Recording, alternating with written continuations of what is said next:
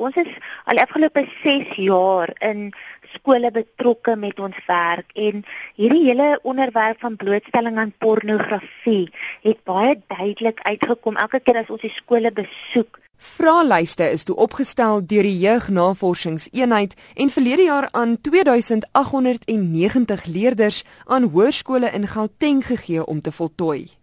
Die vraelys is volgens Bason so opgestel om die blootstelling aan seksueel eksplisiete materiaal sowel as die invloed daarvan op die kinders te meet. Dit is eintlik skrikwekkend. Dit was bietjie baie hoër as wat ons verwag het, maar ons het meer as die helfte van ons steekproef, is omtrent 57% van die kinders het wel erken dat hulle al pornografie gesien het. Dis gewoonlik meeste van dit op die internet. Alhoewel ons nie moet vergeet dat kinders toegang nog steeds het tot pornografiese DVD's in tydskrifte nie want uh, dit het ook in ons studie uitgekom dat hulle wel ook tradisionele forme um, jy weet gebruik wanneer hulle pornografie kyk. Sy sê die steekproef het skokkende resultate opgelewer. Van hulle blootgestel is aan hierdie materiaal dan begin hulle intentioneel daarna soek. En dit is kommerwekkend want dit wys vir ons die verslawende effek of wat ons sê in Engels the addictive nature of pornography want daai kind word blootgestel aan iets en dan wil hy teruggaan en hy wil verder gaan soek. Sy sê ongeveer die helfte van die kinders kom per abuis op pornografie af as hulle byvoorbeeld navorsing op die internet doen vir skoolprojekte of vermaak soos musiekvideo's opsoek. Na die aanvanklike blootstelling besoek baie van die kinders dan op 'n gereelde basis pornografiese webtuistes omtrent 53.5% van hulle het gesê net af en toe, maar dan het ons ook uh gevalle gehad waar hulle daagliks begin kyk het, weekliks en maandeliks en dit is kommerwekkend. As 'n kind in daai ouderdom groep begin daagliks soek na pornografie op internet, dan raak dit 'n probleem. Bason sê die meeste van die kinders kyk na heteroseksuele pornografie, met ander woorde waar daar mans en vrouens betrokke is.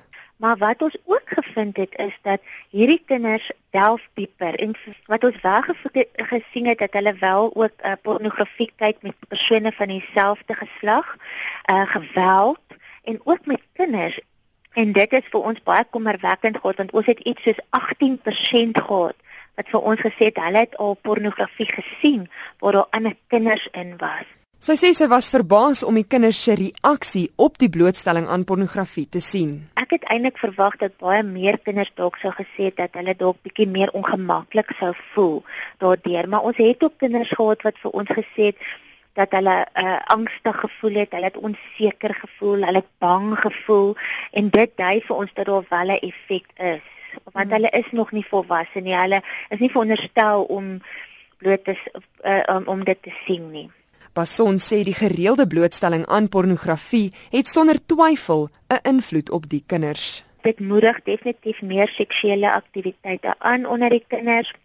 Jy weet hulle wil meer uitvind en tog ek dink dit sal, jy weet vroue word baie keer baie swak voorgestel in pornografiese flieks. En ek dink tog dit kan 'n effek op 'n jong mens hê om na 'n vrou anders te kyk in die samelewing of selfs 'n man. Ek weet ek dink definitief ons navorsing wys tog dat daar 'n moontlikheid is daarvoor. Die oplossing lê volgens haar by seksopvoeding en oop kommunikasiekanale. Sy sê ouers moet ook beter ingelig wees oor hoe maklik dit vir hulle kinders is om toegang te kry tot pornografie en agslaan op die moontlikheid van pornografieverslawing. Ons gaan nou moet praat oor pornografie. Daar is 'n ding soos pornografie. Dit is op die internet, maar dit is nie die ware blootstelling van seksualiteit nie. Ek dink daai tipe ding, ons sal ons benadering moet verander. Ek sê nie elke kind gaan verslaaf raak daarin nie, maar daar is 'n moontlikheid dat jy weet daar sien ons in ons studie dat kinders geneig is om terug te gaan en weer te gaan kyk. Hulle wil nou sien my wat gaan hier aan, jy weet. So daai tipe gedrag moet ons probeer voorkom. Dr Antoinette Basson is verbonde aan die Jeugnavorsingseenheid by Unisa se buro vir marknavorsing. Ek is Henry Wondergem vir SAK nuus.